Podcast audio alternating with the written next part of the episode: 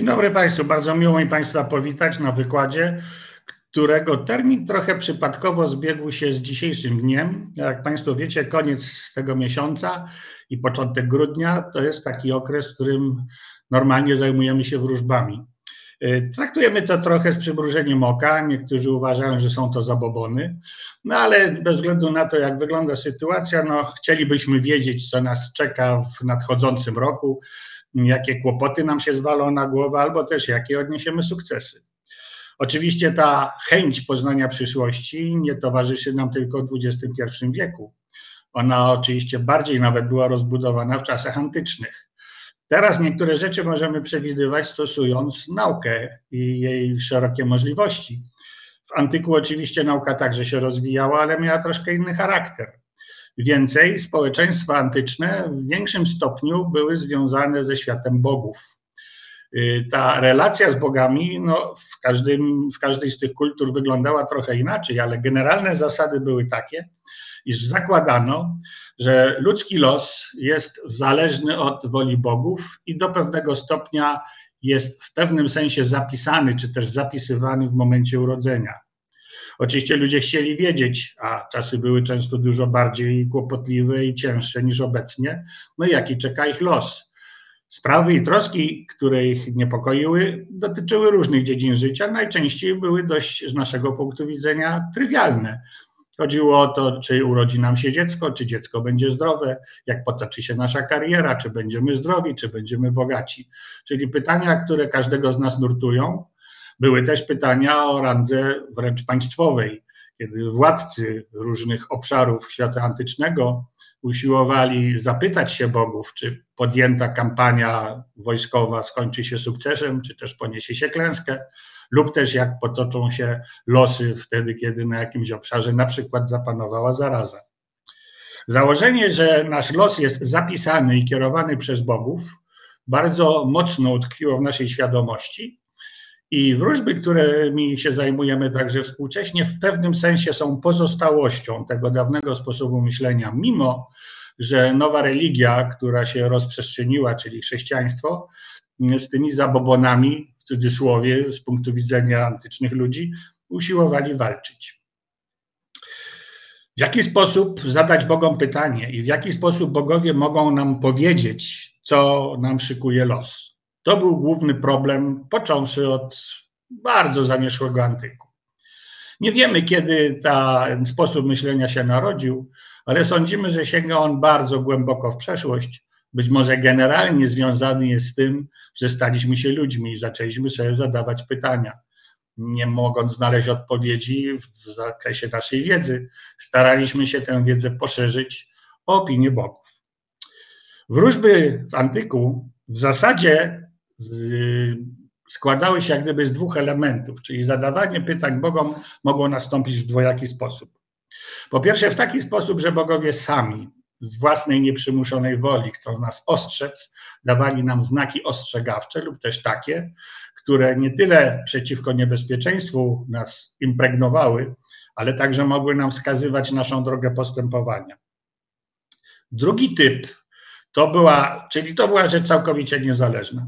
Drugi typ wróżb polegał na tym, że sami usiłowaliśmy Bogów zmusić do odpowiedzi, no co nas w przyszłości czeka. Taki pierwszy zapis tego typu pomysłu, czy tego typu sposobu postępowania znajdujemy już u Homera. Jak Państwo najpewniej wiecie, Homer nie tyle napisał, co skomponował w sensie literackim swoje dzieła, czyli Iliadę i Odyseję w połowie VIII wieku przed naszą erą.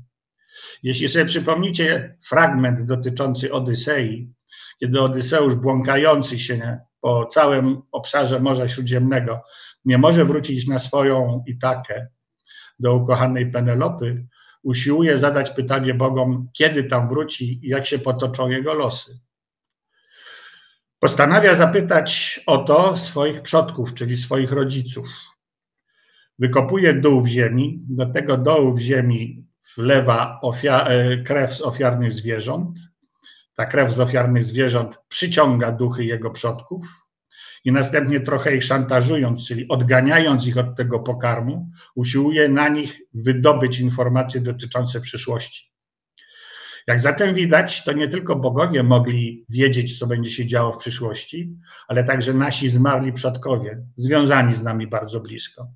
Ten kult zmarłych przodków jest w zasadzie tak stary jak ludzkość. Stąd podejrzewamy, że wróżby i wszelkiego rodzaju odkrywanie znaków dawanych przez bóstwa, a także wymuszanie na bóstwach i naszych przodkach odpowiedzi na pytanie, co nas czeka, no, sięga tak głęboko. To wieszczenie mogło odbywać się poprzez trans, czyli to jest wymuszanie na bogach informacji. Musimy mieć do tego pośrednika, zatem osobę, która w specyficzny sposób prowadzi swoje życie, a także w specyficzny sposób jest przygotowana do tego, aby być łącznikiem między nami i bogami. Dzieje się to za pomocą dwóch różnych elementów. Jednym to jest manteja, czyli wieszczenie, czyli na podstawie tego, co te osoby będące łącznikami między nami i bogami powiedziały, usiłujemy wydobyć odpowiedź bogów. Ona nigdy nie jest bezpośrednia, nigdy nie jest wprost. Trzeba ją interpretować. A do tego, żeby ją interpretować, potrzebni są interpretatorzy. W naszym konkretnym przypadku świata antycznego specjalna grupa kapłanów. Wreszcie drugim elementem, gdzie mogliśmy sami zorientować się, co bogowie przyszykowali dla nas, jest tak zwana katabazis. Katabazis, czyli wejście do piekieł. I w tym przypadku my nie potrzebujemy pośredników, ale sami doświadczamy pewnych przeżyć, z których wyciągamy wnioski, lub do wyciągnięcia tych wniosków znowuż potrzebni nam są kapłani, ażeby zinterpretować to, co widzieliśmy. Niektóre z tych zwyczajów dotyczących wieszczenia są w gruncie rzeczy, jak się Państwo zorientujecie, popularne do dziś, chociaż nie mamy świadomości, że sięgają swoimi korzeniami starożytnej Grecji i starożytnego Rzymu. I przynajmniej już funkcjonują w naszym systemie kulturowym europejskim, szeroko pojętym, przynajmniej od 3000 lat. Pierwszym takim rodzajem znaków, które mogli bogowie dawać ludziom, jest tak zwana ornitomanteia. Jak Państwo sami się zorientujecie, składa się ten wyraz z dwóch wyrazów greckich. Orni, czyli ornitologia, czyli nauka o ptakach, i manteia, czyli wróżenie, wieszczenie. Cóż to był za typ wieszczenia? Mianowicie na przykład obserwowało się lot ptaków, które były uznawane za symbole boskie. Takim symbolem boskim dla Ateny na przykład była sowa. W związku z tym zachowanie się sowy w, określonych, w określonym czasie, określonej porze dnia, no, mogło sugerować, że bogowie, w tym wypadku Atena, coś chce nam powiedzieć. Ta sowa była dlatego bardzo interesująca, że na przykład pojawienie się sowy w czasie ślubu wieszczyło w czasach antycznych wielkie nieszczęście. Jeśli gdzieś latały orły, to znaczy, że Zeus, bo orzeł był świętym znakiem Zeusa, usiłuje nam przekazać jakąś informację. Oczywiście, ponieważ hierarchia bogów częściowo odpowiadała hierarchii świata, w którym oni żyli, w związku z tym Zeus raczej odzywał się do przywódców państw, do przywódców polis greckich czy różnych władców na różnych obszarach świata greckiego. Ale był także inny bóg, Apollo, którego świętym znakiem był kruk. A zatem tam, gdzie pojawiły się kruki, oznaczało boską ingerencję i boski znak od Apolina. Wiecie Państwo, no w tej chwili to my już w zasadzie ptakami się nie zajmujemy i we współczesnym świecie nie mamy żadnej informacji takiej, którą by nam ptaki przekazywały. Czyżby? Chyba każdy z nas był kiedyś w lesie i każdy z nas kiedyś słyszał kukułkę. I czyż każdy z nas odruchowo nie zaczął liczyć, ile razy kukułka wydała dźwięk, bo wedle takiej popularnej tradycji miało to świadczyć o długości naszego życia. Oczywiście każdy liczy to wedle własnego wieku. Kiedy byliśmy mali, chcieliśmy, aby tych odezwań się kukułki było jak najwięcej. Kiedy jesteśmy już starsi, to w zasadzie te 20 kuknięć to mniej więcej już nam wystarcza, później przestajemy liczyć. Ale ten zwyczaj sięga właśnie czasów antycznych. Podobnie, podobnym zwyczajem jest wróżenie skór. Kury zawsze były dość y, ptakami, które były bardzo popularne, nie tylko ze względów konsumpcyjnych, jak Państwo się orientujecie, ale także dlatego, że one mają swoją pewną strukturę wewnętrzną, zachowują się jak takie małe społeczeństwo. Oczywiście są tam dominujące kury, są oczywiście koguty, jest cała hierarchia kur, które nawet odzwierciedla się w tym, jak one siedzą sobie na grzędzie. Zachowanie tych kur w pewnych, pewnych okolicznościach mogło sugerować, czy będzie na przykład wspaniały plon, czy też nie. Jeśli kury rzucały się w określony dzień tygodnia bardzo łapczywie na jedzenie, oznaczało to, że czeka nas okres głodu. Jeśli mimo, że były głodne, niespecjalnie ochoczo zajadały podane im pożywienie, oznaczało to, że nie mamy się czym martwić, ponieważ najbliższa przyszłość jest optymistyczna. Będziemy mieli dużo, dużo jedzenia. Identyczna zasada obowiązywała przy wróżeniu z ruchu ryb. Nazywało się to ichtomanteja. Ichtios to, jak Państwo wiecie, ryba. I znowuż powiemy, no dobrze, co tam z tego poruszania się ryb, jaki można wyciągnąć wniosek. Ale tak mogą mówić ludzie, którzy nigdy nie łowili ryb. Jeśli zapytamy rybaków o to, jak zachowują się ryby i jak to na przykład wpływa na określenie, jaka będzie pogoda, to sami Państwo zrozumiecie, że istnieje wyraźny związek, wręcz fizjologiczny. Na podstawie zachowania tych ryb można było przewidywać różnego rodzaju sytuacje. No czyż nie było interesujące dla wypływającego w morze żeglarza, jaka go spotka pogoda? No jeśli nie był tego pewien, no to używał ryb do wieszczenia w tej, w tej, w tej materii. Bardzo rozpowszechnioną zwyczajem była także hieroskopia. Hieroskopia, czyli oglądanie wnętrzności. Zakładano, że niektóre organy zwierzęce, ale także ludzkie, związane są ze specjalną sferą uczuć. My, co prawda, dzisiaj, kiedy mówimy, że jesteśmy zakochani albo musieliśmy się z jakichś powodów odkochać, mówimy, że mamy złamane serce. W przeszłości natomiast grecko-rzymskiej takim miejscem, w którym koncentrowały się nasze dobre i złe uczucia, była wątroba. Jeśli zatem ktoś był zakochany, no to mówił, że dobrze się czuje jego wątroba. Jeśli był zawiedziony w miłości, no to oczywiście wątroba odzywała się w odpowiedni sposób, mówiąc o tym, jak bardzo przeżywamy jakieś bardzo dramatyczne rozstanie. I ten rodzaj wieszczenia do pewnego stopnia no, ma swoje racjonalne uzasadnienie. Akurat jak Państwo wiecie, wątroba jest tym organem niesłychanie ważnym dla organizmu każdego żywego, czyli i zwierzęcia, i człowieka, którego prawidłowe funkcjonowanie no de facto zapewnia zdrowie całego organizmu. Kiedy zatem ktoś, kto postanowił sprawdzić, jak wyglądać będzie jego przyszłość, oglądał wątrobę zwierzęcia ofiarnego, mógł z tego punktu widzenia no, rozpoznać przyszłość. Dlaczego tak się działo? Mianowicie dlatego, że już od czasów babilońskich, a zatem przed Grekami i przed Rzymianami, cała wątroba była podzielona na sekcje przyporządkowane i znakom zodiaku, i znanym wcześniej planetom. A ponieważ ze znakami zodiaku i z planetami oraz wzajemnym układem tych struktur niebieskich można było wyciągać wnioski dotyczące przyszłości, teraz to są obecne horoskopy, w związku z tym, kiedy jakiś obszar był przyporządkowany na na przykład znakowi zodiaku ryby i w tych rybach nagle fragment, który odpowiadał za słońce, był chory, oznaczało to bardzo duże nieszczęście, ale nieszczęście dotyczące części rodziny. Dlatego, że ryby występują w gruncie rzeczy jako bliźniacze i odwrócone wobec siebie, czyli działające przeciwnie. Słońce mogło te przeciwieństwa albo niwelować, zależnie od układu, albo mogło je wzmacniać.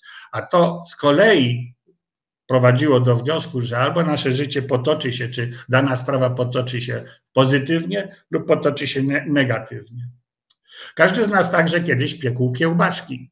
No i oczywiście zaglądał na płonące szczapy drzewne. Z drewna, a raczej z płomieni, można także było wysnuć pewne wnioski.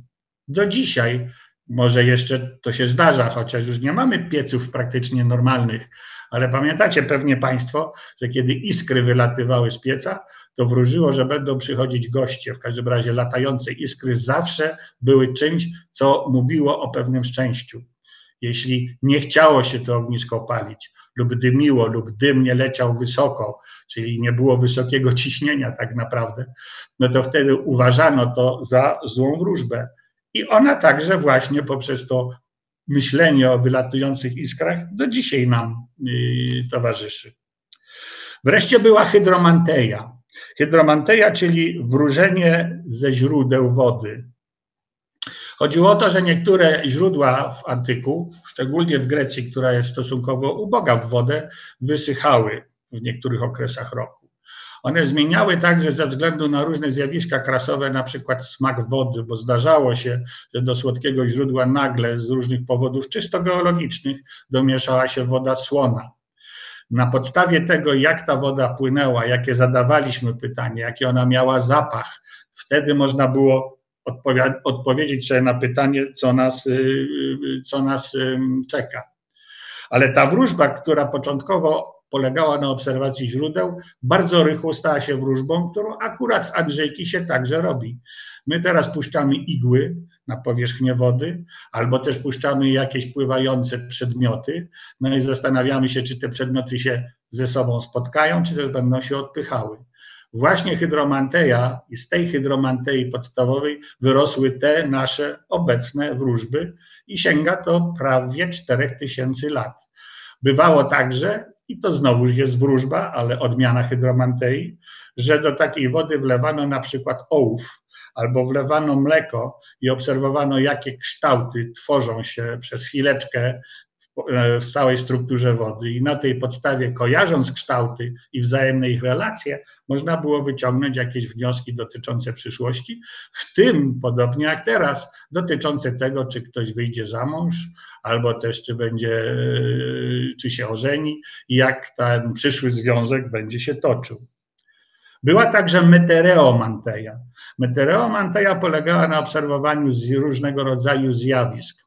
Ona dotyczyła przeważnie plonów i dotyczyła przeważnie pomyślności gospodarczej. I znowuż było tutaj ziarno racjonalizmu. Oczywiście obserwowano na przykład błyskawice, obserwowano chmury, obserwowano zachody słońca. No i w zasadzie do dziś bardzo często sami wieszczymy, czy też wróżymy, nie mając tego świadomości, bo każdy z nas, mając pewne doświadczenie meteorologiczne, doskonale wie, że jeśli słońce i chmury, kiedy słońce zachodzi i chmury stają się bardzo czerwone, to w ciągu 24 godzin najpewniej wzmoże się wiatr. A to jest nic innego jak wróżenie. My wiemy, jakie są podstawy naukowe takiego zjawiska. Oni tego nie znali, ale kojarzyli zjawisko ze skutkami, które one później powodowało. Wreszcie było coś takiego jak wróżenie z ruchu przedmiotów, kleromancja. To wróżenie z ruchu przedmiotów było dość istotne. I tu nie chodziło o to, bo to była, jak wkrótce Państwu opowiem, jedna z najstarszych wyroczni y, greckich to wróżenie z, poruszanych, z poruszania się przedmiotów nie chodziło o to, że one same w jakiś sposób się poruszały, czyli że była jakaś siła i coś, co powinno być statyczne, nagle zmieniało swoje położenie. Ale chodziło tu o to na przykład, jak będą o siebie uderzały dzwonki czyli jaki dźwięk będą wydawały dzwonki zawieszone na drzewie wtedy, kiedy zawieje wiatr, czy one będą harmonijne, czy też nieharmonijne, jak inne przedmioty będą kołysały się na drzewie, a z tymi przedmiotami z kolei łączyliśmy pewne magiczne znaczenie. Dzisiaj w zasadzie ta wróżba już nie jest używana, chociaż ona gdzieś tam w świadomości w naszej pozostaje, z tym, że ona już jest w tej chwili całkowicie magiczna, to znaczy, że u nas pozostała taka świadomość, że są ludzie, którzy potrafią swoją siłą wewnętrzną przesuwać różne przedmioty, czyli wykazują się nadzwyczajnymi zdolnościami. Oczywiście nie będzie dla Państwa zaskoczeniem, że była także hieromancja, a zatem to, co i dziś jest bardzo rozpowszechnione, że na podstawie układu linii papilarnych i różnych znaków, które znajdują się albo na lewej, albo na prawej ręce, można było wnioskować na temat y, przyszłości. Tutaj sytuacja była podobna jak z różeniem z wnętrznościami, to znaczy cała dłoń była podzielona na pewne strefy odpowiadające za podstawowe z punktu widzenia tamtych ludzi, ale także naszych, elementy naszego życia, tak jak bogactwo, miłość, rozwój intelektualny. No i stale zadawane zawsze od zarania dziejów pytanie o to, jak się potoczy nasze życie i jak długo będziemy na tym padole łez musieli y, przebywać. Było też także coś, co i dzisiaj jest bardzo popularne we wróżbach. Nazywało się to arytmomanteja, a zatem nadawanie pewnego znaczenia różnego rodzaju cyfrom i liczbom. Wiemy, że niektóre liczby traktujemy jako szczęśliwe, inne traktujemy jako nieszczęśliwe. Ta cała, ten cały system określania wartości pewnych cyfrowych czy też liczbowych sięga również okresu babilońskiego, a zatem dużo wcześniejszego, jeszcze jakieś półtora tysiąca lat wcześniej niż to robili później Grecy i Rzymianie. Ale oni bardzo chętnie przejęli ten sposób wróżenia, nada, nadając także pewnym cyfrom w tym przypadku pewne specjalne znaczenie. I takimi cyframi szczęśliwymi była na przykład siódemka. Ona była zawsze związana z Apolinem, czyli Bogiem sztuk, Bogiem sztuk wyzwolonych i wszystkiego, co jest dobre, czyli takim charakterem wewnętrznym człowieka odpowiadającym za, za estetykę. Do tego też były liczby, które wynikały z pewnych kalkulacji matematycznych. Wszyscy Państwo znacie prawo Pitagorasa, o podnoszonych kwadratach przy, przy, prostokątnych po to, żeby uzyskać kwadrat przeciwprostokątny. Uczyliśmy się tego wszyscy w szkole. Pitagorejczycy, czyli zarówno Pitagoras, jak i jego uczniowie, zauważyli, że pewne liczby powtarzają się. My wiemy teraz, że są to niektóre stałe, tak jak chociażby pi, którego świadomość także mieli. I te liczby powtarzające cyfry i liczby powtarzające się w pewnych układach matematycznych były uznawane za nie za szczęśliwe, dlatego że one miały odzwierciedlać pewien boski ład. Zastanawiano się, dlaczego te liczby przy różnych operacjach arytmetycznych zawsze zachowują swoją wartość. Takimi cyframi bardzo ważnymi dla nich była trójka i dziewiątka.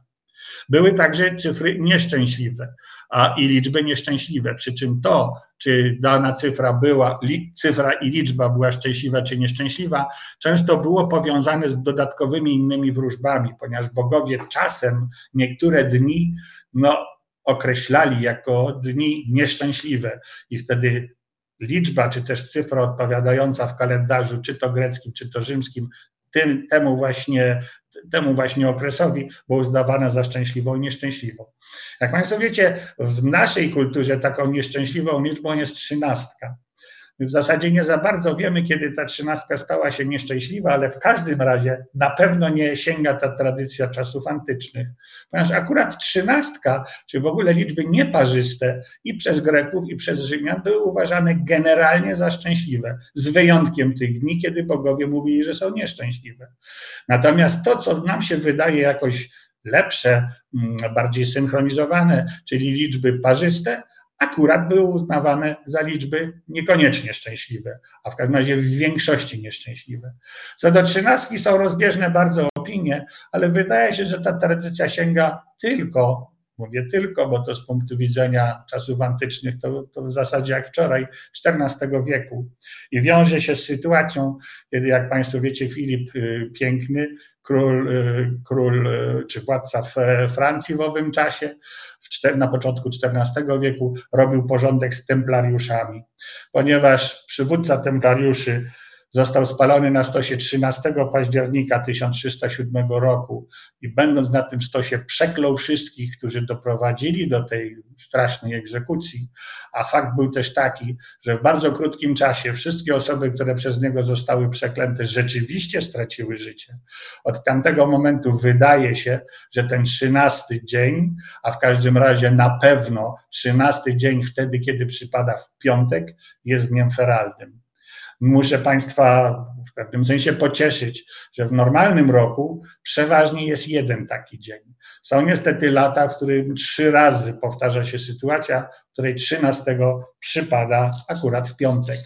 No i wtedy, zgodnie z naszą tradycją, no, raczej usiłujemy nie wykonywać żadnych czynności, ponieważ uważamy, że ten dzień z góry, z natury może być dla nas nieszczęśliwy. Pierwszym rodzajem wieszczenie, jak Państwu powiedziałem, było wieszczenie poprzez kontakt ze zmarłymi. Żeby móc dokonać takiego kontaktu, Odyseusz po prostu wykopał dziurę w ziemi, czy, czy, czy otwór w ziemi, no bo zakładano i zakładamy do dzisiaj, że zmarli oczywiście są pod ziemią. Są to tak zwane strefy chtoniczne, czyli strefy poświęcone zmarłym. Dół jest poświęcony zmarłym, góra, czyli niebo poświęcone jest Bogom i boskim sprawom. Żeby jednak zmusić naszych przodków którzy przebywali w Hadesie, do odpowiedzi na nurtujące nas pytania, trzeba było dokonać specjalnej aranżacji przestrzeni. Bardzo rzadko robiono to w Grecji. W zasadzie znamy dwa takie stanowiska, w których znajdowały się tak zwane nekromantejony, czyli całe struktury architektoniczne, do których się przychodziło, aranżacje architektoniczne, i tam można było spotkać się ze swoimi przodkami, częściowo wchodząc do Hadesu. Najbardziej znany nekromanteion, którego mury, obron, którego mury Państwo tu widzicie, jednego z pomieszczeń tak zwanej poczekalni, czyli miejsca, w którym zbierały się osoby, które chciały uzyskać od swoich przodków informacje na temat przyszłości, to jest sanktuarium Persefony i Hadesa nad rzeką Acheron. Ta rzeka ma dość istotne znaczenie, ponieważ w zasadzie zlewają się tam dwie rzeki i dodatkowo znajdują się tam bardzo głębokie jaskinie. Te dwie rzeki nosiły specjalne, dodatkowe nazwy. Jedna z nich nazywała się Nieszczęście po grecku, a druga nazywała się Lament. One zbiegały się w miejscu wielkiej jaskini, która w opinii antycznych ludzi żyjących w owych czasach prowadziła do Hadesu. Żeby dojść do tego Hadesu, najpierw trzeba było dokonać ablucji, a zatem oczyszczenia się. Chodziło o to, żeby pozbyć się no, zewnętrznych, jak gdyby, oznak funkcjonowania w świecie żywych, ponieważ musieliśmy przejść do świata zmarłych, a jednocześnie z tego świata zmarłych musieliśmy wrócić. Wiadomo, że Hades niespecjalnie hmm, był łaskawy i kiedy już ktoś musiał dostać się do niego, czyli przyszedł do Hadesu, już ten Hades i Bóg, i miejsce no już go nie chciały z powrotem wypuścić. Żeby się przed tym zabezpieczyć, trzeba było złożyć ofiary i zjeść specjalne święte pożywienie. To święte pożywienie wydawać nam się może dziwne, przynajmniej jeśli chodzi o trzy jego składowe, czyli jęczmienny chleb, fasolę i wieprzowinę. Ale już nie będziemy tak strasznie zdecydowani co do jakości tego jedzenia, jeśli do tego dodam, że czwartym komponentem były rośliny narkotyczne. Efekt oczywiście był tego taki, że ludzie pod wpływem częściowo narkotyków, najedzeni, jak Państwo sami rozumiecie, jedzeniem bardzo ciężkostrawnym, które dodatkowo dysfunkcjonowało cały organizm, wchodzili do bardzo ciemnych przestrzeni, w ogóle nieoświetlonych, których chytrzy kapłani, jak to zwykle, zbudowali bardzo sprawne różne pułapki, których celem było gwałtowne przestraszenie wchodzących osób, ponieważ one musiały sobie zdawać sprawę, że na przykład otwierają się żelazne wrota same automatycznie, żelazne wrota prowadzące do Hadesu, że tam odzywają się jakieś dźwięki i piski, że i później to wykorzystano odbicia echa w takich jaskiniach. Wydawało się, że jest rodzajem głosów osób zmarłych, które tam przebywają, i wśród tego hałasu wyławiano poszczególne słowa, jak się wydawało, które miały być elementem wieszczenia, czyli opowiadania o tym, co w przyszłości się dzieje. My wiemy, że takie mechanizmy założono, dlatego że właśnie nad tą rzeką Archeon mechanizmy zostały, fragmenty takich mechanizmów zostały zebrane. Tu macie Państwo miejsce, w którym oni spożywali posiłki. Widzicie takie specjalne naczynia, które my nazywamy pitosami i które służyły do przechowywania właśnie różnych produktów. I tutaj jest odtworzony i częściowo przebadany już przez nas taki wielki kanał, czy też wielki tunel prowadzący do jaskini wewnętrznej, w którym były założone te wszelkie rodzaje urządzeń mechanicznych, które miały wpływać na psychikę ludzi wchodzących, tak aby oni byli przeświadczeni co do tego, że znajdują się w Hadesie. Teraz jest to oświetlone i wygląda bardzo nawet sympatycznie, ale proszę sobie wyobrazić przestraszonych ludzi, lekko znarkotyzowanych, którzy słyszą i to w sposób nadmierny, bo organizm reaguje w sposób bardziej wyczulony po środkach narkotycznych, pojawiają się różne wizje, zależnie od dawki tego narkotyku, że oni rzeczywiście mogli być przerażeni i być święcie przekonani, że do Hadesu weszli. Rzecz jasna, podpowiedzi dotyczące ich, ich przyszłości mogły być podszeptywane przez ukrytych kapłanów, a psychika tych ludzi komponowała z tego zarówno obrazy, jak i całe zdania i całą wróżbę, która miała temu służyć. Bardzo tajemniczą wyrocznią była leżąca w Lewadii, to jest taka osada, czy też punkt archeologiczny leżący niedaleko Delf, gdzie znajdowała się wyrocznia takiego dziwnego w zasadzie herosa, którego korzenie sięgają okresu epoki brązu, a zatem drugiego tysiąclecia przed naszą erą. Jest to wyrocznia Trofoniosa. Ten Trofonios to bardzo interesująca osoba związana z Apolinem, dlatego że to Apollo był jego ojcem. Matką natomiast była Jokasta, królowa, czy też osoba będąca żoną Kadmosa, który był władcą Teb w Beocji. Teby są znane, wszyscy pewnie o Tebach tych greckich słyszeli. Z tego związku narodził się właśnie Trofonios. I ten Trofonios, jak mówią przekazy mityczne, żył w czasach Dedala, a Dedal z kolei żył w czasach króla Minosa, czyli same mity wskazują na bardzo odległą przeszłość. My wiemy w tej chwili, że było to w epoce brązu, czyli właśnie w tym drugim tysiącleciu. Podobnie jak Dedal, Trofonios był bardzo zdolnym architektem. Kazano mu wykonywać różne bardzo ważne zlecenia. To on miał być pierwszym architektem świątyni w Delfach. Nie tej, która stoi, tylko jej pra, pra, pra przodkini, która też sięga rzeczywiście, jak wiemy, to jest wykopalisk swoimi początkami epoki brązu. On był tym architektem razem ze swoim bratem.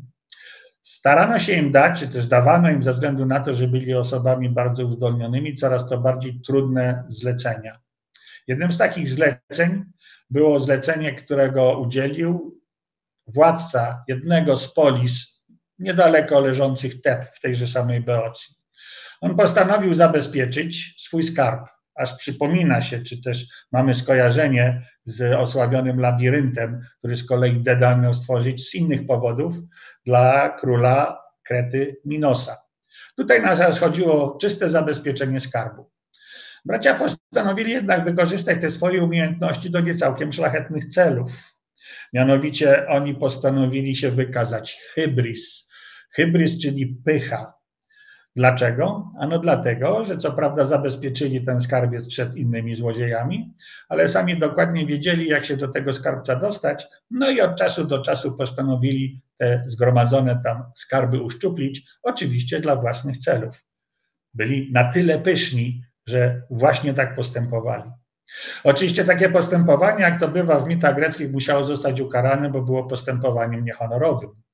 A pycha musiała zawsze, pycha i zło w tych mitach greckich zawsze jest karane. Nigdy tam nie jest to błogosławione, nawet jeśli na krótką metę wydaje się, że taka osoba zyskała, to w efekcie, jeśli będziemy mity czytać w całości, wiemy, że zawsze zostaje ukarana. Nigdy nie uchodzi jej to na sucho. No więc dokładnie nie mogło tak samo się zdarzyć z Trofoniosem i jego bratem. Coś zorientował się ten król, że coś w tym skarbcu, ten bilans się niespecjalnie zgadza. Związku z tym poprosił wspomnianego już drugiego genialnego architekta Dedala, ażeby założył dodatkową pułapkę w tym labiryncie, w którą oczywiście, nie wiedząc o niej, wpadli obaj złodziejaszkowie o boskim w końcu pochodzeniu. Niestety brat został przygnieciony wielkim kamieniem i wiedząc, że jeśli zostanie złapany, czy też ktoś zobaczy, co się dzieje, będzie chciał go uwolnić, może zdradzić swojego brata, postanowił się poświęcić. Mity nie są tu do końca jasne, są różne warianty. Efekt jednak był tego taki, że to brat poprosił Trofoniosa, żeby tenże obciął mu głowę, no żeby on nie mógł go zdradzić. No ale oczywiście obcięcie głowy musiało pociągnąć za sobą dodatkowe kłopoty już dla samego Tryfoniosa. Postanowił zemścić się na nim Apollo. A ponieważ Apollo jest bogiem wieszczenia, automatycznie jego syn także pewne umiejętności wieszczenia miał. Postanowił się udać do jaskini, w której do jaskini miał się w pewien sposób oczyścić, a w każdym razie sprawdzić, w jaki sposób jego przyszłość się ułoży. Niestety z tej jaskini już nigdy nie wyszedł. Pozostał tam, będąc ukaranym za swój straszny czyn. Ta wyrocznia Trofoniosa właśnie polegała na tym, że trzeba było pójść do tej jaskini, przeżyć dokładnie te same katusze, które przeżył Trofonios i na tej podstawie, słysząc głosy, które tam się odzywały ewidentnie, można było, wyszedłszy na zewnątrz, uzyskać odpowiedź na nurtujące pytanie. Po to jednak, żeby do tej jaskini się udać, trzeba było się napić znowuż ze źródła dwóch rzek, które tam pływały, y, płyną. Jedna, ta, którą Państwo widzicie po lewej, to jest rzeka zapomnienia. Druga, gdzie mamy tą wspaniałą rzeźbioną głowę, to jest rzeka pamięci. Po to, żeby udać się do wyroczni, trzeba było zapomnieć o swoim życiu, czyli w pełnej nieświadomości pójść do środka. Ta jaskinia została także w specyficzny sposób zmodyfikowana, jak Państwo widzicie. Na niej powstała także jeszcze specjalna dodatkowa konstrukcja okrągła, którą my nazywamy tolosem. Tolos to tak naprawdę po grecku oznacza ul. Problem polega na tym, że tenże trofonios, który jest tutaj przedstawiony po prawej stronie, rzeczywiście w ręku trzyma ul antyczny. Tak, tak one wyglądały, taki kosz specjalnie zrobiony. Dlaczego tak się działo? Ponieważ po tym, kiedy Trofonios zniknął w tej jaskini, słuch o nim zaginął. No i wreszcie tak się zdarzyło, że w, Delsach, w Delfach zapanowała dżuma. Zapytano w wyroczni delfickiej, w jaki sposób tej dżumy można się pozbyć, i wtedy wyrocznia delficka wskazała, że trzeba udać się do wyroczni Trofoniosa, czyli do tej jaskini, gdzie ten Trofonios zginął, i że ten Trofonios odpowie na pytanie, co należy zrobić.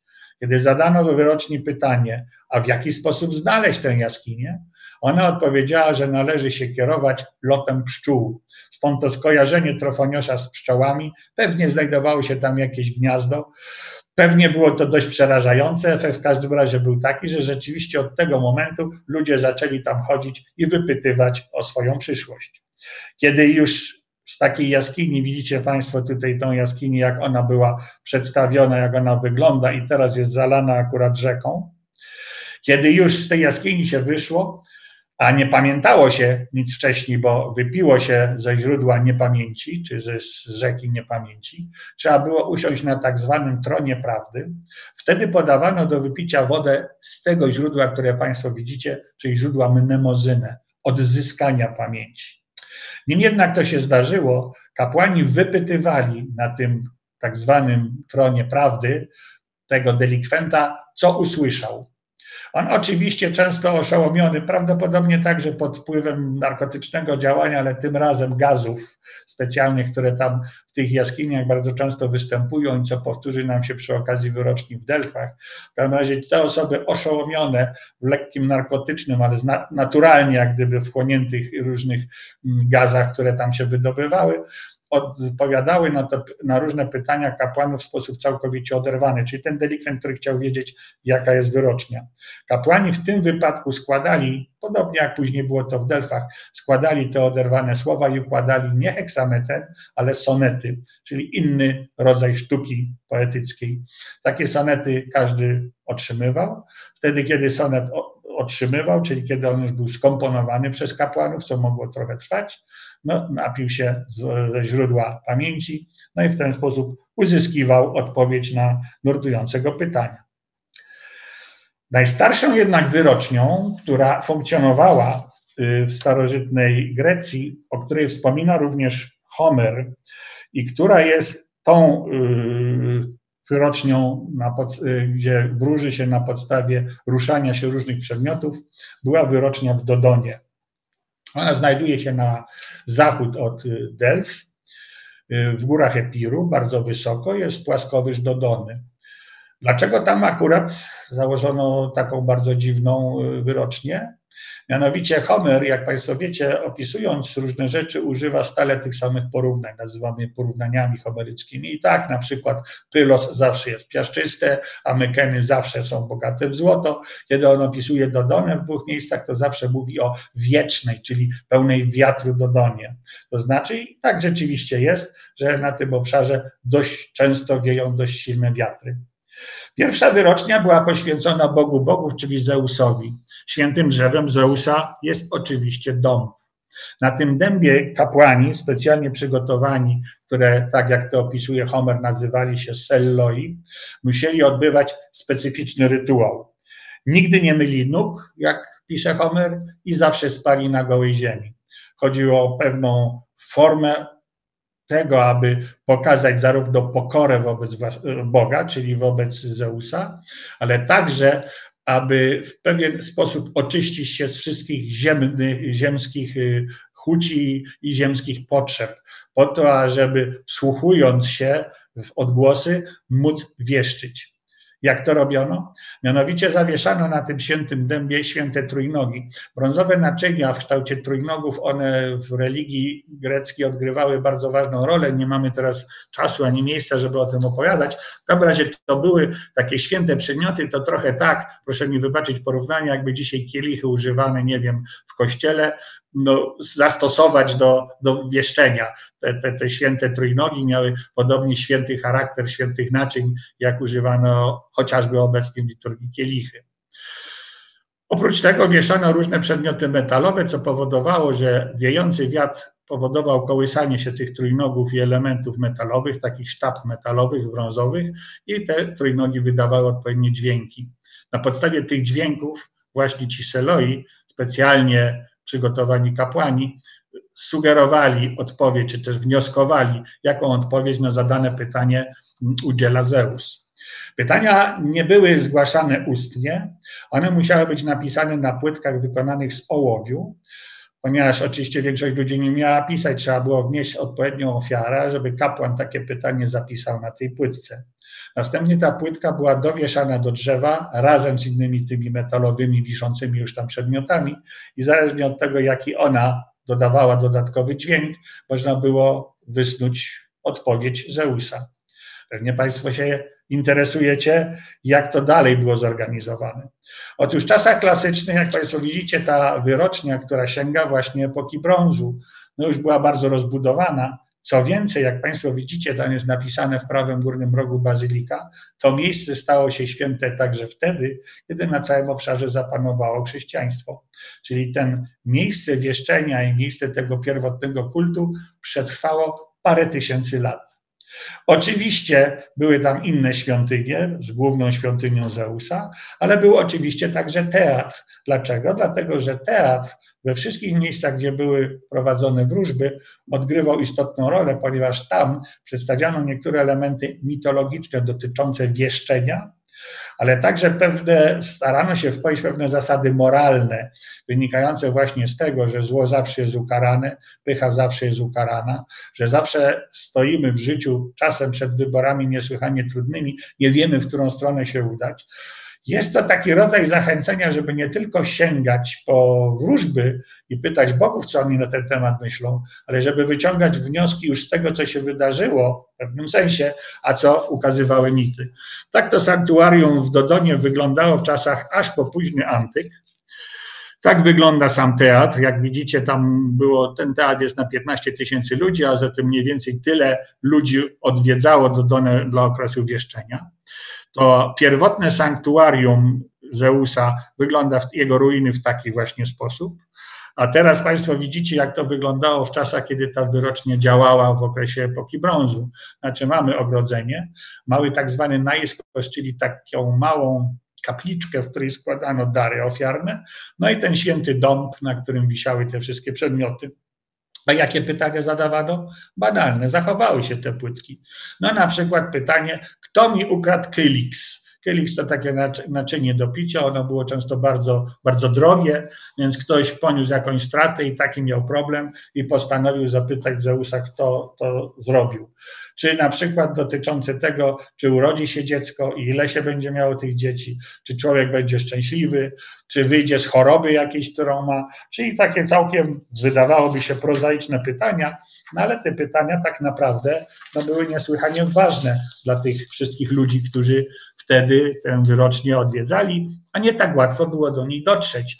Nawet dzisiaj dotarcie do tej wyroski stanowi pewien problem transportowy, no a wtedy oczywiście poruszano się innymi środkami transportu i taka pielgrzymka, no bo tak by to trzeba było nazwać, do takiego wielce świętego, z długimi tradycjami gdzieś sięgającymi mroku dziejów, także dla tamtych ludzi miała niesłychane znaczenie także psychologiczne, a do tego cała ta dydaktyka w pozytywnym tego słowa znaczeniu związana przedstawieniami teatralnymi, z różnymi uroczystościami, które tam się odbywały, z darami, które można było także złożyć innym bóstwom, niewątpliwie było formą takiego duchowego odrodzenia.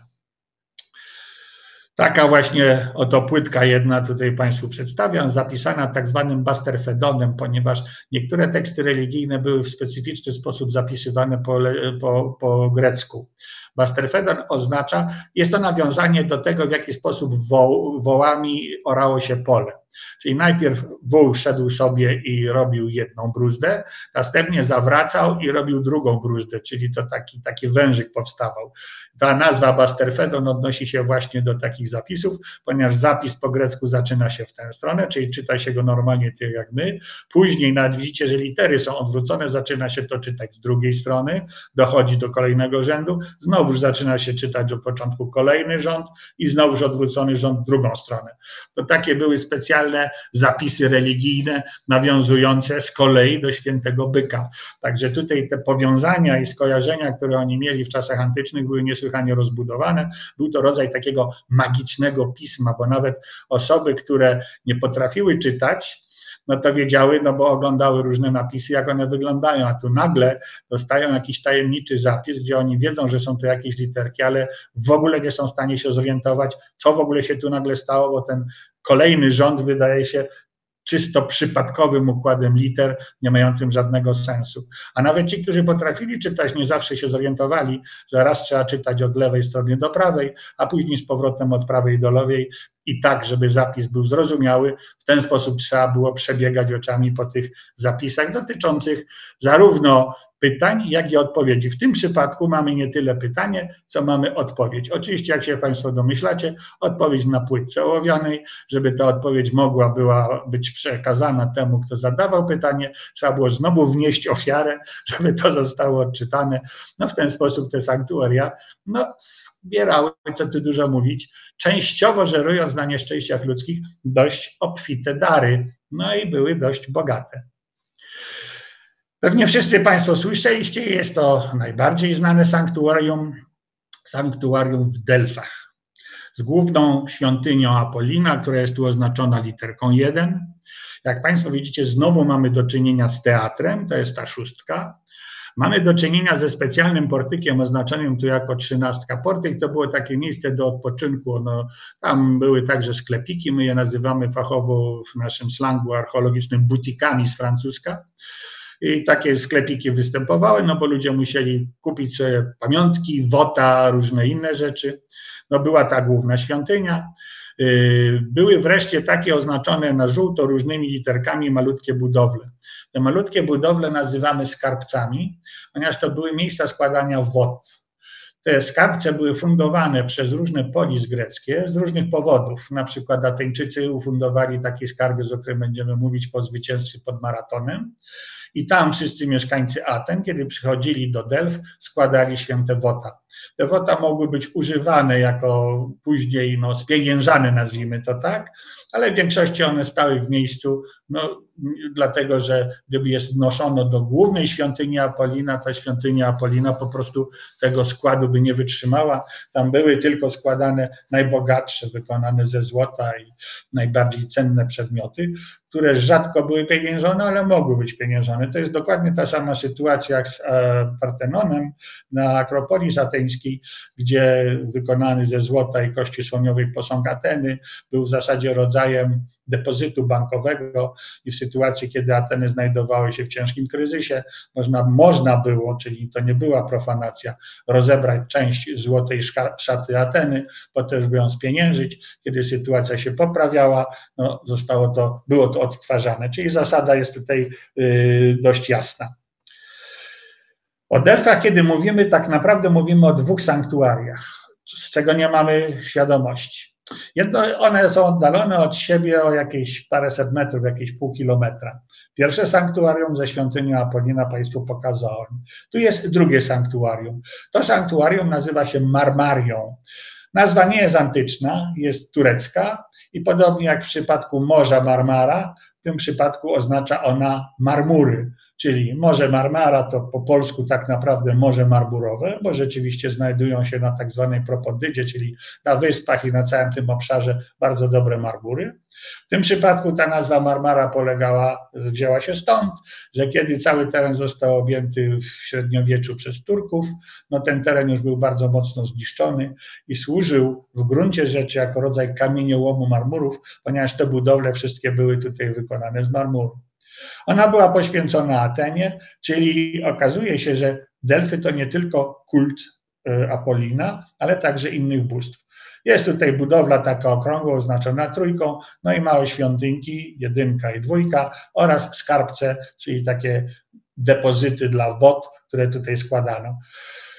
To było takie sanktuarium przygotowawcze. Każdy, który przychodził do Delf, najpierw zaglądał właśnie na Marmarię, czyli do tego sanktuarium Ateny, ażeby się tam uspokoić, rodzaj, nazwijmy to poczekalni. Chodziło o to, ażeby nie w sposób zmęczony, żeby nie być zmęczonym i zziajanym i pędzić do tego Apolina, ale żeby odpowiednio nasycić się pewną atmosferą religijną. Ta sama zresztą sytuacja powtórzyła, powtórzyła się, skoro już wspomniałem o Akropolii Zateńskiej, właśnie do Akropolii Zateńskiej, ponieważ tam nim weszło się przez Propyleję po schodach i weszło na teren samego Akropolis, czyli samego okręgu kultowego, to każdy, kto był w Atenach, gdzie, że po lewej stronie znajduje się takie jakieś dziwne pomieszczenia.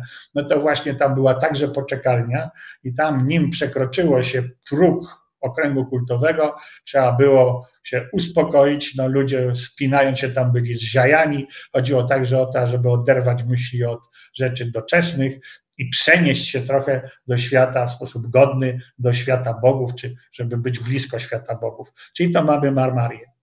Jak wyglądały główne sanktuarium w okresie klasycznym, czyli w V i IV wieku? Tutaj macie Państwo rekonstrukcję. Były to wspaniałe budowle. Musicie Państwo pamiętać, że wszystkie te budowle greckie kiedyś były pomalowane dość pstrokato, pstrokatymi kolorami. Ten biały marmur nie był używany dlatego, żeby nas epatować swoim wyjątkowym pięknem, ale tylko dlatego, że stanowił wspaniały podkład pod farby. Gdyby bowiem to był żyłkowany marmur, to nałożenie na przykład czerwonej farby na biały marmur żyłkowany dawałoby odcienie szarości. Tak więc ten wybór marmuru drobnokrystalicznego nie był przypadkowy i całkowicie nie miał za zadanie właśnie epatować nas swoim wyrafinowanym pięknem, a być dobrym podkładem podmalowane różne wzory, elementy, podkreślone elementy architektoniczne. Zresztą widzicie Państwo w głównej świątyni, tam pojawiają się niebieskie, żółte kolory. To jest właśnie taki element podkreślający to, jak to zostało namalowane. Jak wyglądała sama wyrocznia i w ogóle skąd ona się wzięła? Wydaje się, że ta sama ta wyrocznia powstawała w epoce brązu podobnie jak większość innych, czyli jesteśmy 2000 lat przed naszą erą, czyli wcześniej niż żył Homer. Wiemy, że w czasach Homera już ta wyrocznia funkcjonowała, a wiemy to stąd, że zostało wspomniane sanktuarium Apolina, ale zdziwiłby się każdy, gdyby sądził, że Homer napisał oto sanktuarium Apolina w Delfach. On pisze, że jest to sanktuarium Apolina w Pytona. Pytona przetłumaczone na język polski oznaczała tak naprawdę zgniłki, czyli smród, smród siarkowodoru. Dlaczego? Ano dlatego, że miał to być efekt rozkładającego się ciała węża Pytona. A skąd się ten wąż Pyton tam w tych delfach wziął? Mianowicie był synem matki ziemi Gai.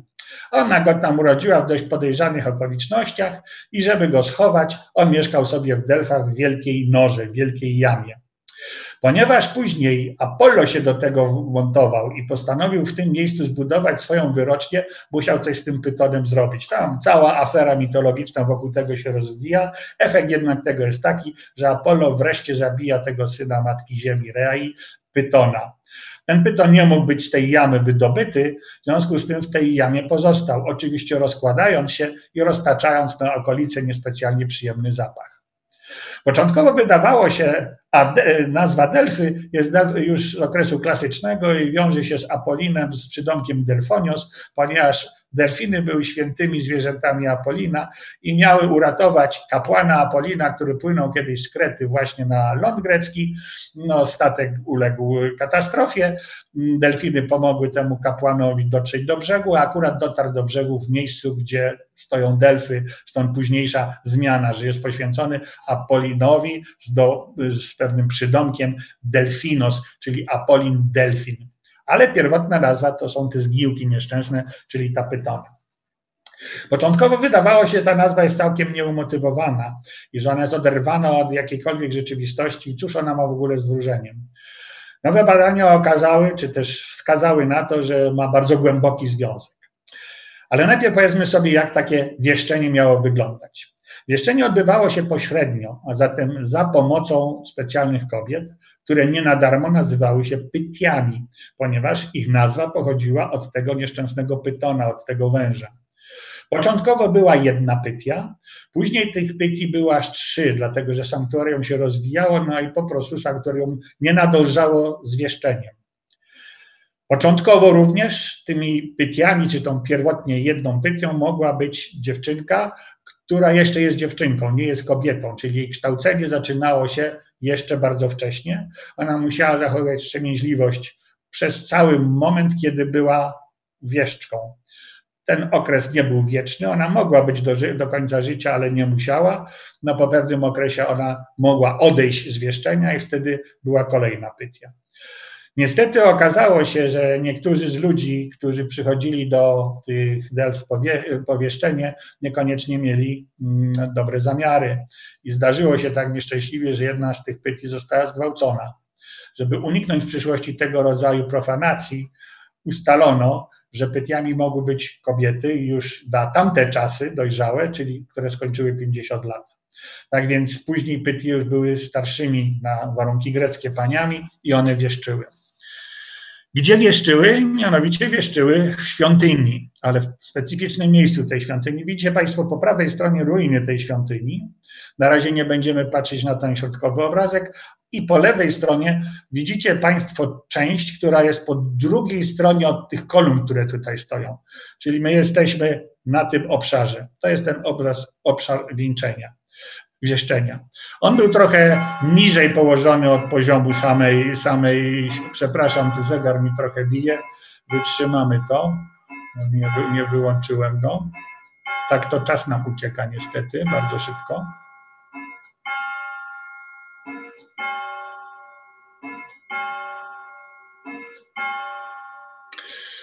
On był trochę niżej położony od okolicy i składał się z paru interesujących elementów. To, co Państwo tutaj widzą jako dwójka, to jest tak zwany omfalos. A cóż to jest ten omfalos? To jest pępek ziemi. To był rzeczywiście wykonany fragment z kamienia, który oryginalnie był przykryty specjalną tkaniną.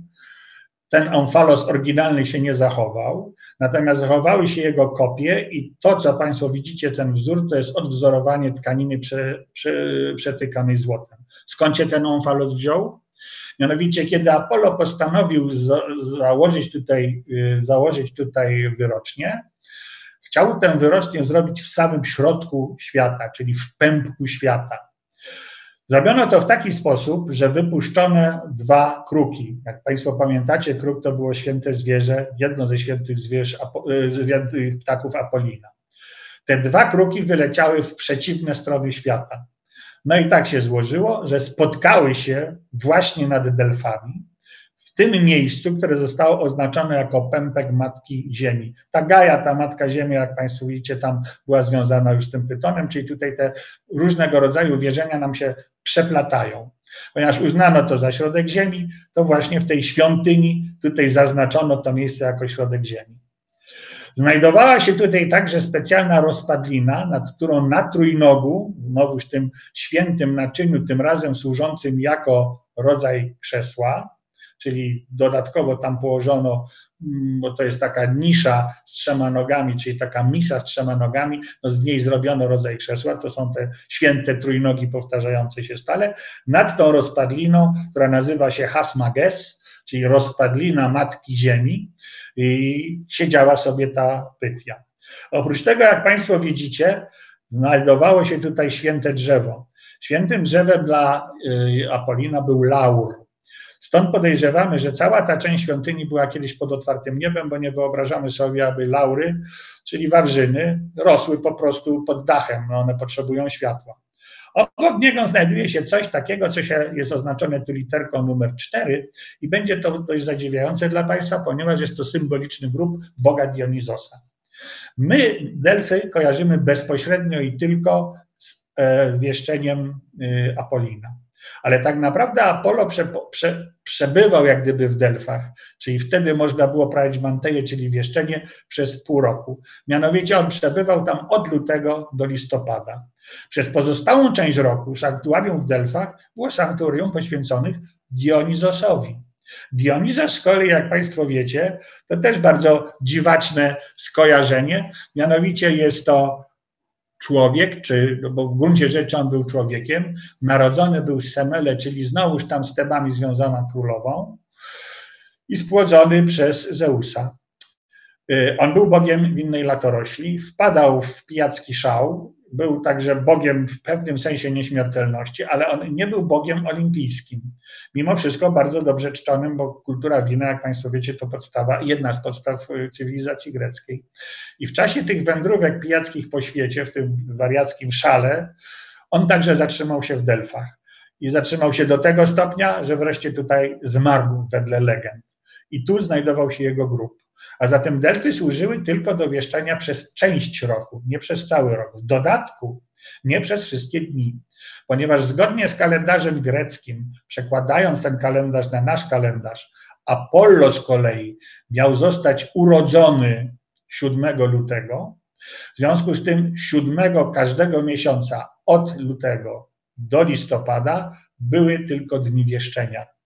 Domyślacie się Państwo, że tych ludzi, którzy chcieli, aby tam te wróżby mm, y, y, były im dane, było bardzo dużo. W związku z tym stąd te trzy pytie i funkcjonowało to całe sanktuarium na pełnych obrotach, pełną dobę, co oczywiście powodowało, że niektórzy odchodzili z kwitkiem.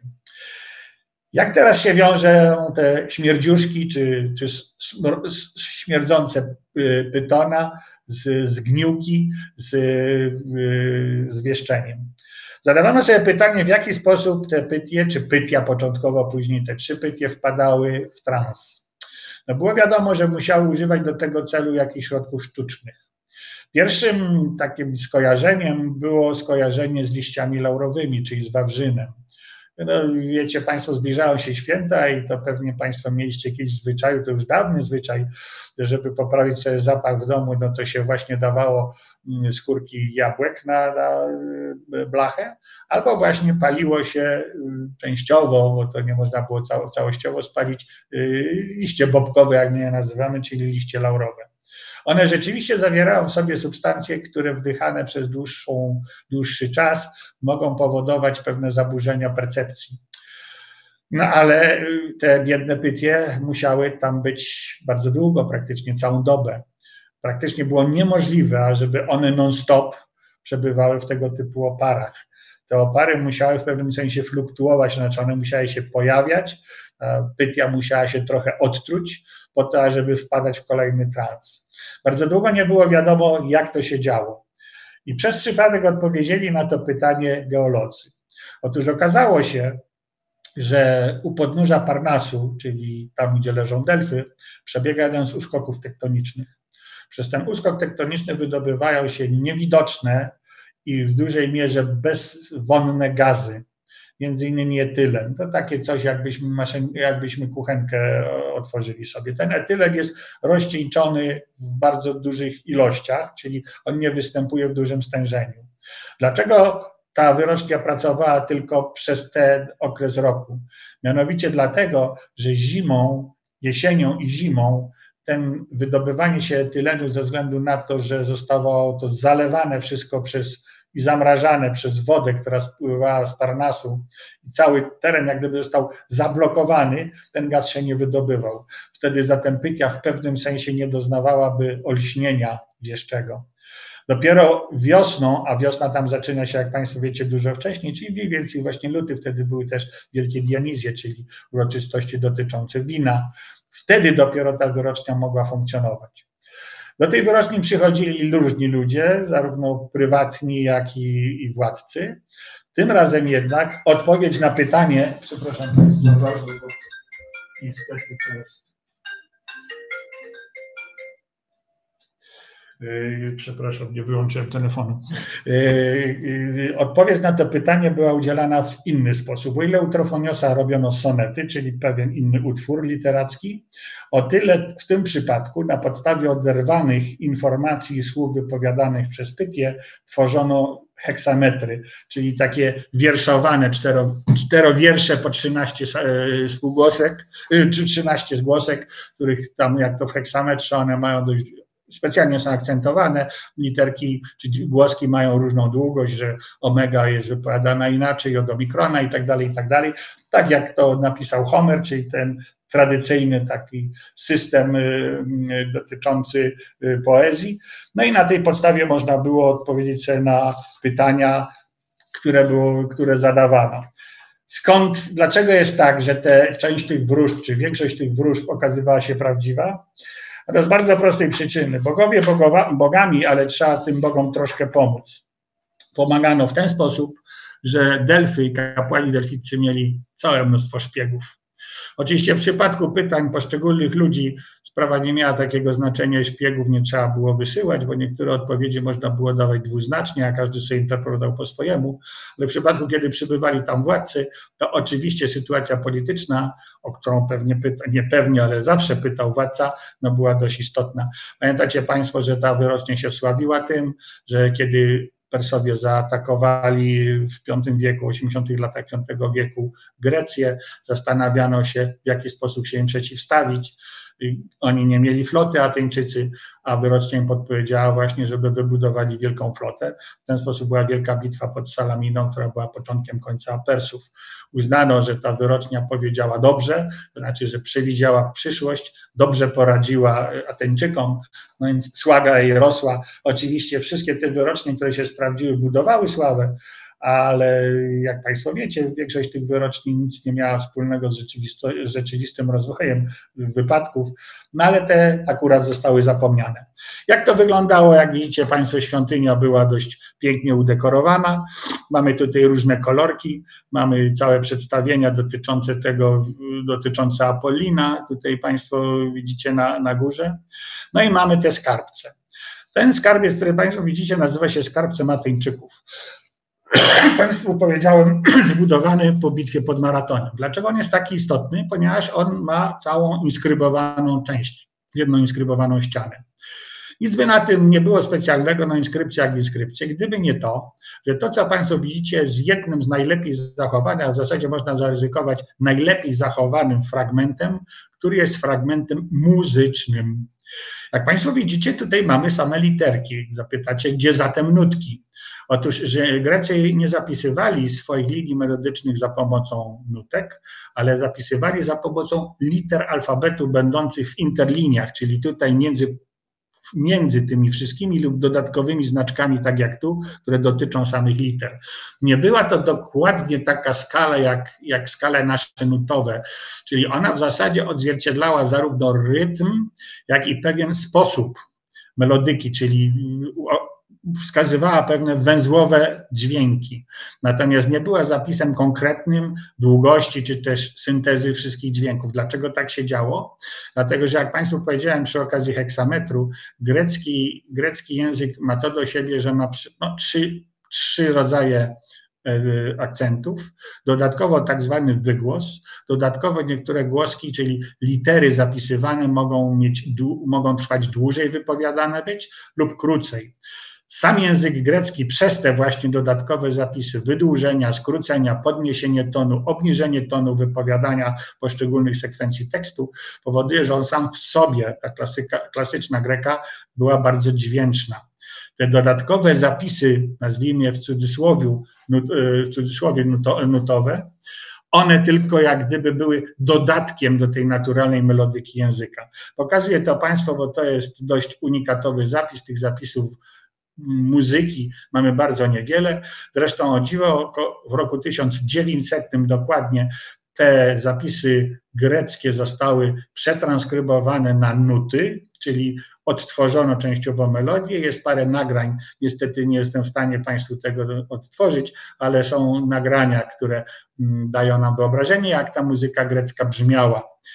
Jest to o tyle interesujące, że tych zapisów rzeczywiście jest bardzo niewiele, ale już z praktyki, bo trochę się tych utworów greckich i później rzymskich nasłuchałem w tych transkrypcjach, które są współczesnymi transkrypcjami, zapewniam Państwa, że to nie były żadne przeboje. W zasadzie to trochę przypomina sytuację, kiedy oglądamy filmy japońskie. Kiedy jakiś pan zaczyna tam strasznie wrzeszczeć i wydawać gardłowe dźwięki, to okazuje się, że on właśnie wyznaje miłość swojej lubej. Kiedy natomiast jest cichutki i w ogóle wydaje, wydaje się, że on bardzo czule do niej przemawia, to właśnie on grozi jej, że właśnie jej obetnie głowę albo popełni harakiri. Więc podobnie z tą muzyką. Ona na, w pewnym sensie jest niestrawna. To jest tak od, dziwne i różne od tych linii melodycznych, do których my jesteśmy przyzwyczajeni, że no, rzeczywiście trzeba pewnego samozaparcia, żeby wysłuchać. Oczywiście to są wszystko przeważnie teksty religijne, które były śpiewane. W związku z tym oczywiście charakter jest troszkę inny, no bo jeśli teraz nawet, nawet słuchamy pieśni religijnych, ale w liturgii, czyli nie pieśni, które śpiewa się w kościele, ale tych pieśni, które są jakby immanentną częścią y, samej liturgii, no to te linie melodyczne też są dość skomplikowane i trudno powiedzieć, że to są przebojowe melodie. One mają specyficzny układ, ale to zawsze bywa w religii tak, że tam punkt ciężkości jest położony na tekst, a linia melodyczna ma tylko być dodatkowym akcentem, ten tekst wzbogacający, czy też podkreślający pewne charakterystyczne cechy takiego tekstu. Mamy wreszcie bardzo dziwne sanktuarium, które jest w Azji Mniejszej. To sanktuarium to jest sanktuarium w Didyma. To jest na południe od Miletu i to było sanktuarium związane z Miletem. Nie znajdowało się tam miasto, trzeba z Miletu było pomaszerować do tego sanktuarium. To sanktuarium jest do dziś zachowane częściowo, jest przepiękne dla, i robi duże wrażenie, dlatego że to są potężne bloki marmurowe. Cała struktura, mimo że została zniszczona w połowie, robi gigantyczne wrażenie, bo to, są, to jest po prostu potężna budowla, jeśli popatrzycie Państwo na to, jak to wygląda. Gdybyśmy mieli tu postawić człowieka przy tych kolumnach, to mniej więcej sięgałby on potąd. Kolumny są w zasadzie prawie ponad dwa metry średnicy, czyli to są bardzo monumentalne, wspaniałe budowle, dodatkowo wspaniale rzeźbione. Zresztą Państwo widzicie tu człowieka, on jest w pewnym oddaleniu, ale gdyby stanął tu, to mniej więcej sięgałby potąd. Czyli odtąd dotąd to jest mniej więcej no, około dwóch metrów. Widzicie Państwo, jakie, jakie to jest potężne. Prowadzą, ona, ta świątynia jest dość dziwacznie, jak na świątynię zrobiona, ponieważ ona rzeczywiście z zewnątrz przypomina świątynię. I wydaje się, że możemy do niej wejść do środka i będziemy mieli normalnie taki układ, jak nie wiem, w Partenonie, czyli zadaszoną część, no i będzie tam gdzieś posąg jakiś stał i tak dalej. Kiedy jednak podejdziemy do tej świątyni, okazuje się, że sprawa nie jest taka prosta. Oczywiście okazuje się, że główne drzwi wejściowe są tak skonstruowane, że od strony zewnętrznej do tych drzwi nie można przejść. Natomiast do tego otworu drzwiowego, który wydawał się właśnie wejściem do świątyni. Natomiast można do niego wejść po schodach od strony wewnętrznej. A co jest wewnątrz? I jak do środka wejść? Nie wchodzi się głównym wejściem, a wchodzi się dwoma takimi trochę zakamuflowanymi wejściami bocznymi. Tutaj Państwo widzicie. Jak widać na końcu tych otworów, no, świeci słońce. To oznacza, że wewnętrzna część świątyni nie miała dachu. Rzeczywiście jest to rodzaj dziedzińca, ograniczonego murem razem z kolumnadą, co wygląda na zewnątrz tak, jakby to była świątynia, a wewnątrz nią nie jest. Dlatego powiedziałem, że do tych drzwi teoretycznie wyjściowych od wewnątrz prowadziły schody, ponieważ te drzwi wejściowe były tak zwaną bramą objawień. Kiedy chciano jakąś wyrocznie przedstawić tłumowi zebranemu, wiernym pielgrzymom, wtedy pojawiał się tam kapłan, objawiał się tam kapłan i odpowiadał na pytanie dotyczące jakiegoś większego, większej całości. W jaki sposób wieszczono tam? Otóż na środku, tutaj macie Państwo dekorację od strony wewnętrznej. Na środku tutaj Państwo zauważacie jakieś takie fragmenty jakiejś takiej małej budowli. I rzeczywiście była to budowla położona, taka mała kapliczka, położona przy źródle wody ponieważ w, Didym, w Didymie wróżono właśnie z wody. Pamiętacie Państwo, kiedy na samym początku opowiadałem o tym, że jedną z tych wróżb zachowanych do dziś, i to akurat wieczór Andrzejkowy, to jest wróżenie właśnie zarówno z samego ruchu wody, jej zapachu, jak i różnych przedmiotów umieszczonych czy te, na, na powierzchni wody, czy też, czy też e, różnych mm, ingrediencji wlewanych do wody. Na tym polegało, czyli oni robili rzeczywiście wróżby Andrzejkowe z naszego punktu widzenia. Inny typ wróżenia. Tam, żeby jednak uzyskać wróżbę, trzeba było się rozebrać całkiem do golasa. No dlatego, że woda ona miała przy okazji także obmywać. Wiecie Państwo, że to są ablucje, czyli takie rytualne obmycia. I rzeczywiście, kiedy jest jakikolwiek kontakt z Bogiem, wróżbą Boga, to albo kapłani muszą się zachowywać w specyficzny sposób i przestrzegać pewnych reguł, albo ci, którzy, którym wieszczono, musieli to robić. A zatem tutaj akurat taki był sposób wieszczenia. Natomiast no już zadać można pytanie, jak ta o co tam pytano i jak odpowiadała ta wróżba. No i mogę powtórzyć po raz kolejny. Niektóre pytania były całkiem banalne, ale odpowiedzi niekoniecznie. Bo na przykład mamy zachowaną taką informację, że ktoś przyszedł i zapytał się, czy będzie miał syna czy córkę. Odpowiedź wyroczni była taka: syn, nie córka. Zwróćcie Państwo uwagę, że bez znaków przestankowych, gdybyśmy po synie dali przecinek, to by oznaczało, że ma syna, a nie córkę. Jeśli natomiast przecinek po grecku, czyli znak przestankowy po grecku, damy po nie, to będzie napisane syn nie, córka. Oczywiście człowiek, który uzyskiwał bez znaków przystankowych taką informację, zawsze uzyskiwał informację prawdziwą, bo albo urodził mu się syn, albo urodziła mu się córka. Gorzej oczywiście, jeśli rodziły się bliźniaki, bo tego już wyrocznia nie przewidywała i tego wytrychu językowego i zapisu tego, tej wyroczni nie było. Ale zwracam Państwu uwagę na to, jak sprytni byli ci kapłani i w jaki sposób y, w pewnym sensie no, może nie celowo nawet, bo oni w to naprawdę chyba wierzyli, no, podpuszczali tych swoich, tych swoich wyznawców, udzielając im rzeczywiście, jak my do dzisiaj mówimy, pytyjskich odpowiedzi, czyli takich odpowiedzi, po których trudno jednoznacznie wyrokować i które dopiero okazują się prawdziwe, czy ich segmenty okazują się prawdziwe dopiero wtedy, kiedy już dane wydarzenie zaistniało, bo wtedy mówimy, no ktoś, kto właśnie pytał, syn czy córka, no urodził się syn. No rzeczywiście wyrocznia mi tego syna przekazała. No rzeczywiście napisali, syn, nie córka. Czyli on wtórnie później można było coś takiego interpretować. No i oczywiście z Rzymianami była podobna sytuacja. Rzymianie również usiłowali e, czegoś się dowiedzieć na temat przyszłości.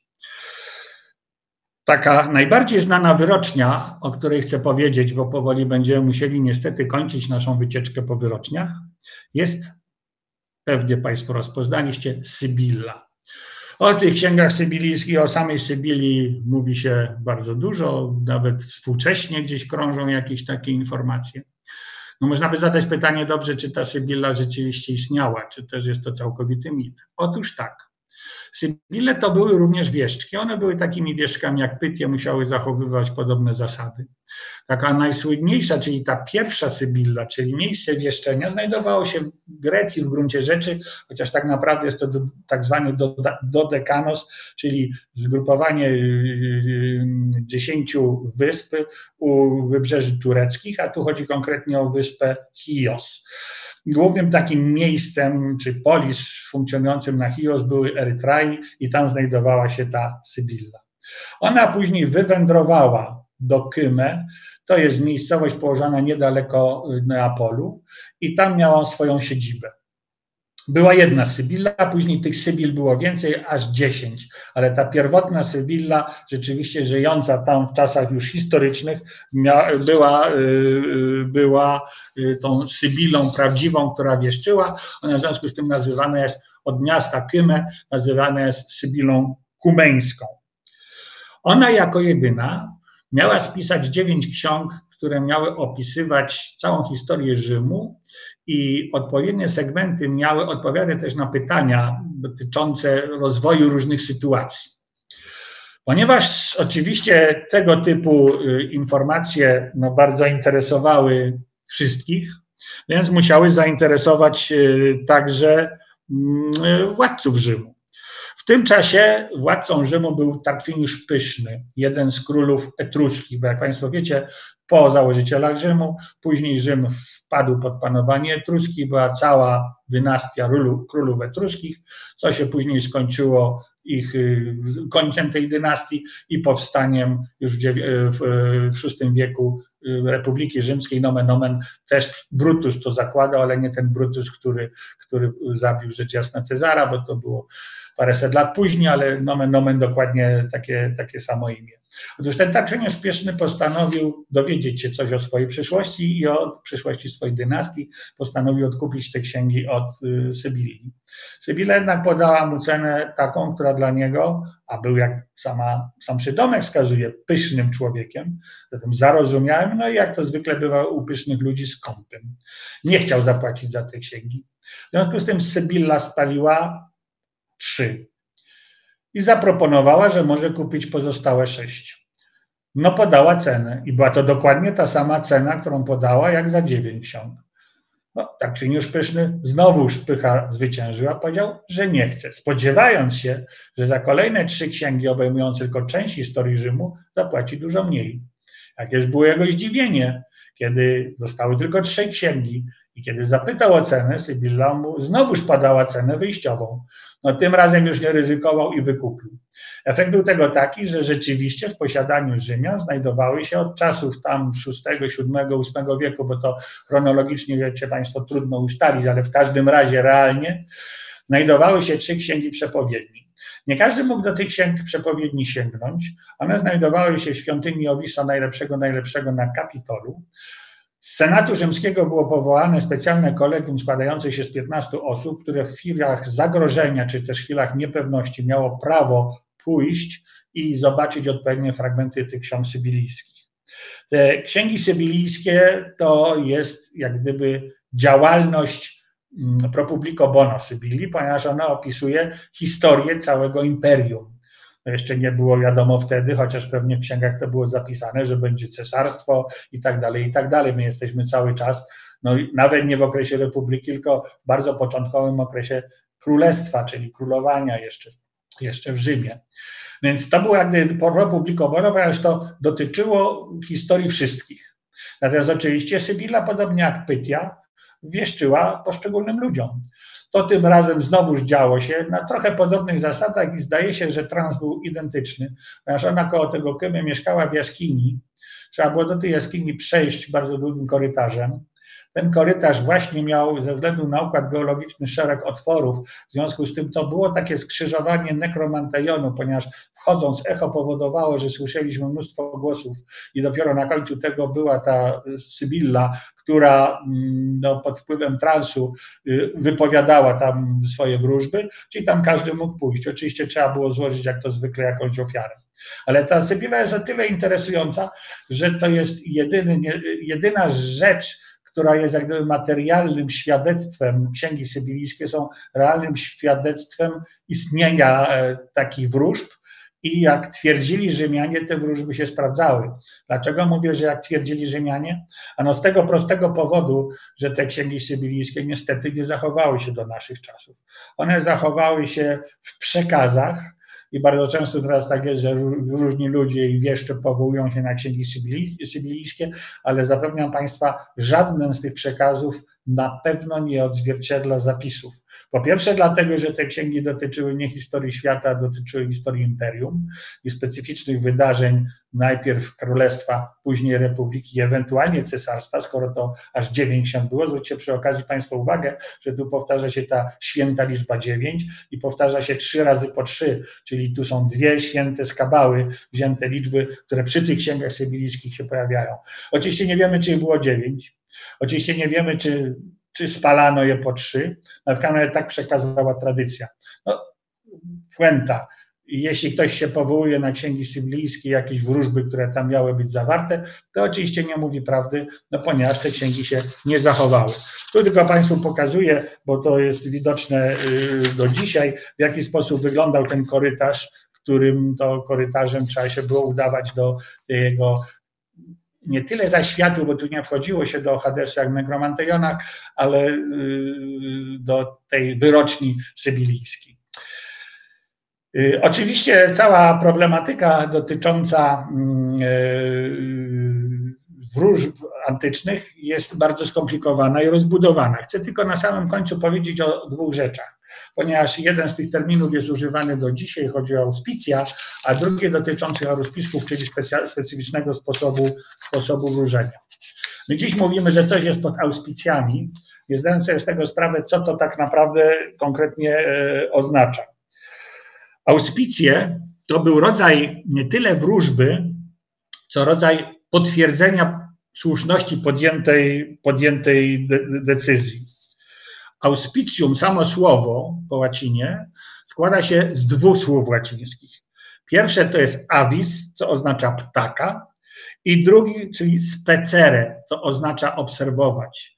A zatem auspicja polegały na obserwowaniu lotu ptaków. W praktyce oznaczało to tak, że augur, czyli kapłan, odziany w specjalną szatę ze specjalnym takim berłem, rodzajem y, symbolu władzy, w miejscu, gdzie miały być, odbywać się te auspicje, rysował sobie kwadrat na ziemi, to było miejsce określone jako miejsce święte, budował tam namiot zorientowany na kierunki świata, następnie siadał przed tym namiotem z oznaką godności kapłańskiej i w ten sposób, poprzez ten namiot i wyrysowany kwadrat, dzieląc niebo na poszczególne segmenty i obserwował przez określony czas, co się na tym niebie dzieje, czyli jakie pojawiają się ptaki i jak się zachowują.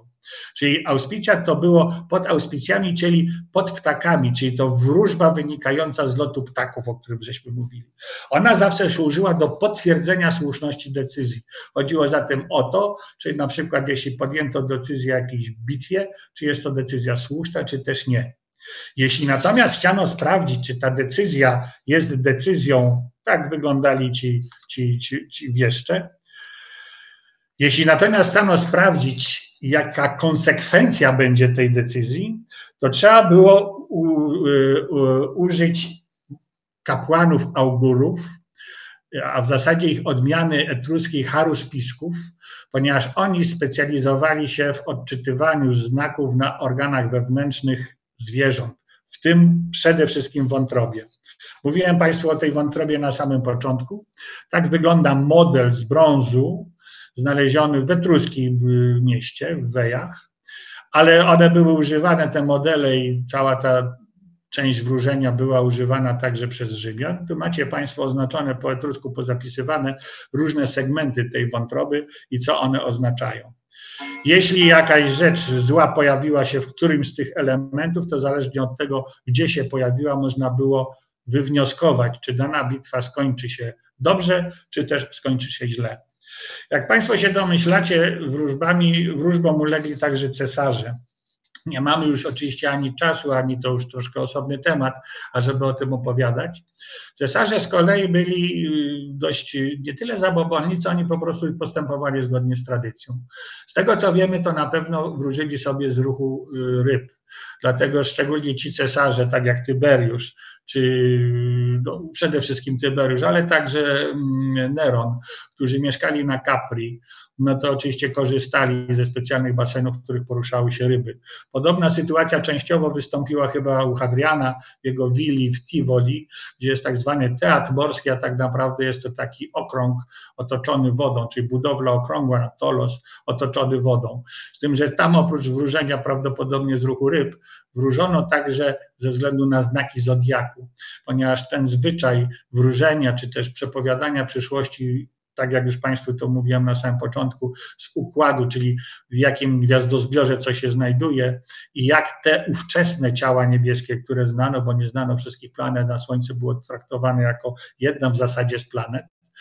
Więc jak one, w jakim wzajemnym układzie one się znajdują, można było przewidywać y, przyszłość. Czyli z naszego punktu widzenia powstawało coś w rodzaju obserwatorium astronomicznego w tym sensie, że cesarz chcąc przewidywać przyszłość musiał uwzględnić dla danego wydarzenia, które miało być w przyszłości, jaki będzie układ różnych ciał niebieskich, czyli zarówno gwiazdozbiorów uznanych za gwiazdozbiory podstawowe zodiaku, jak i różnych ciał niebieskich, no ale po to, żeby to mógł zrobić, to nie wykreślano tego, tylko usiłowano zrobić jak gdyby ruchomy model, który no, biorąc pod uwagę cykliczność powtarzających się zjawisk astronomicznych, no, miał odzwierciedlać i na tej podstawie miano wyciągać wnioski.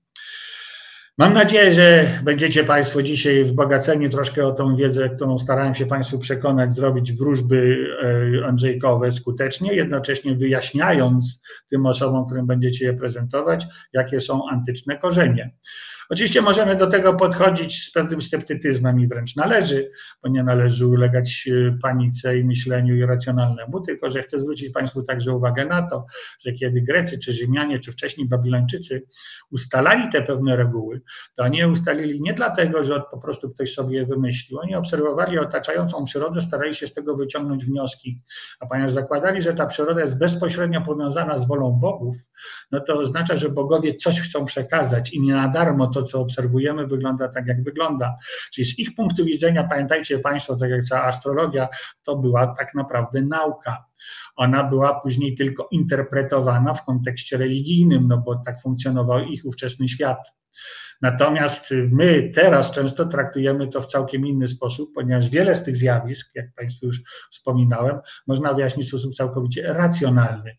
Dlaczego tak na przykład zachowują się ptaki lub jakieś tam zjawiska astronomiczne i rzeczywiście konsekwencją takiego, a innego zachowania jest następstwo takich, a nie innych wydarzeń. Przy czym są to wydarzenia dotyczące naszego środowiska które częściowo oddziałuje na nas. Każdy się podwornie czuje, kiedy jest niskie ciśnienie i to można przewidzieć. Natomiast odpowiedzieć na to pytanie syn, nie córka, no to już byłoby trudniej i do tego już trzeba było sprytu kapłanów, którzy odpowiednio to interpretowali. Bardzo serdecznie dziękuję Państwu za uwagę. Mam nadzieję, że przynajmniej troszkę zainteresowałem antykiem i troszkę oderwałem Państwa od tego naszego, od tej naszej współczesności. Nie będę oczywiście mówił o wróżbach dotyczących naszej pandemii, bo zakładam i bądźmy optymistami, że ona się szybko skończy, a że także kiedyś już być może osobiście, bo to jest dużo przyjemniejsze, będę się mógł z Państwem spotkać opowiadając o antyku jakiś inny interesujący temat. Bardzo serdecznie Państwu dziękuję za uwagę i mam nadzieję do zobaczenia i przede wszystkim zdrówka życzę.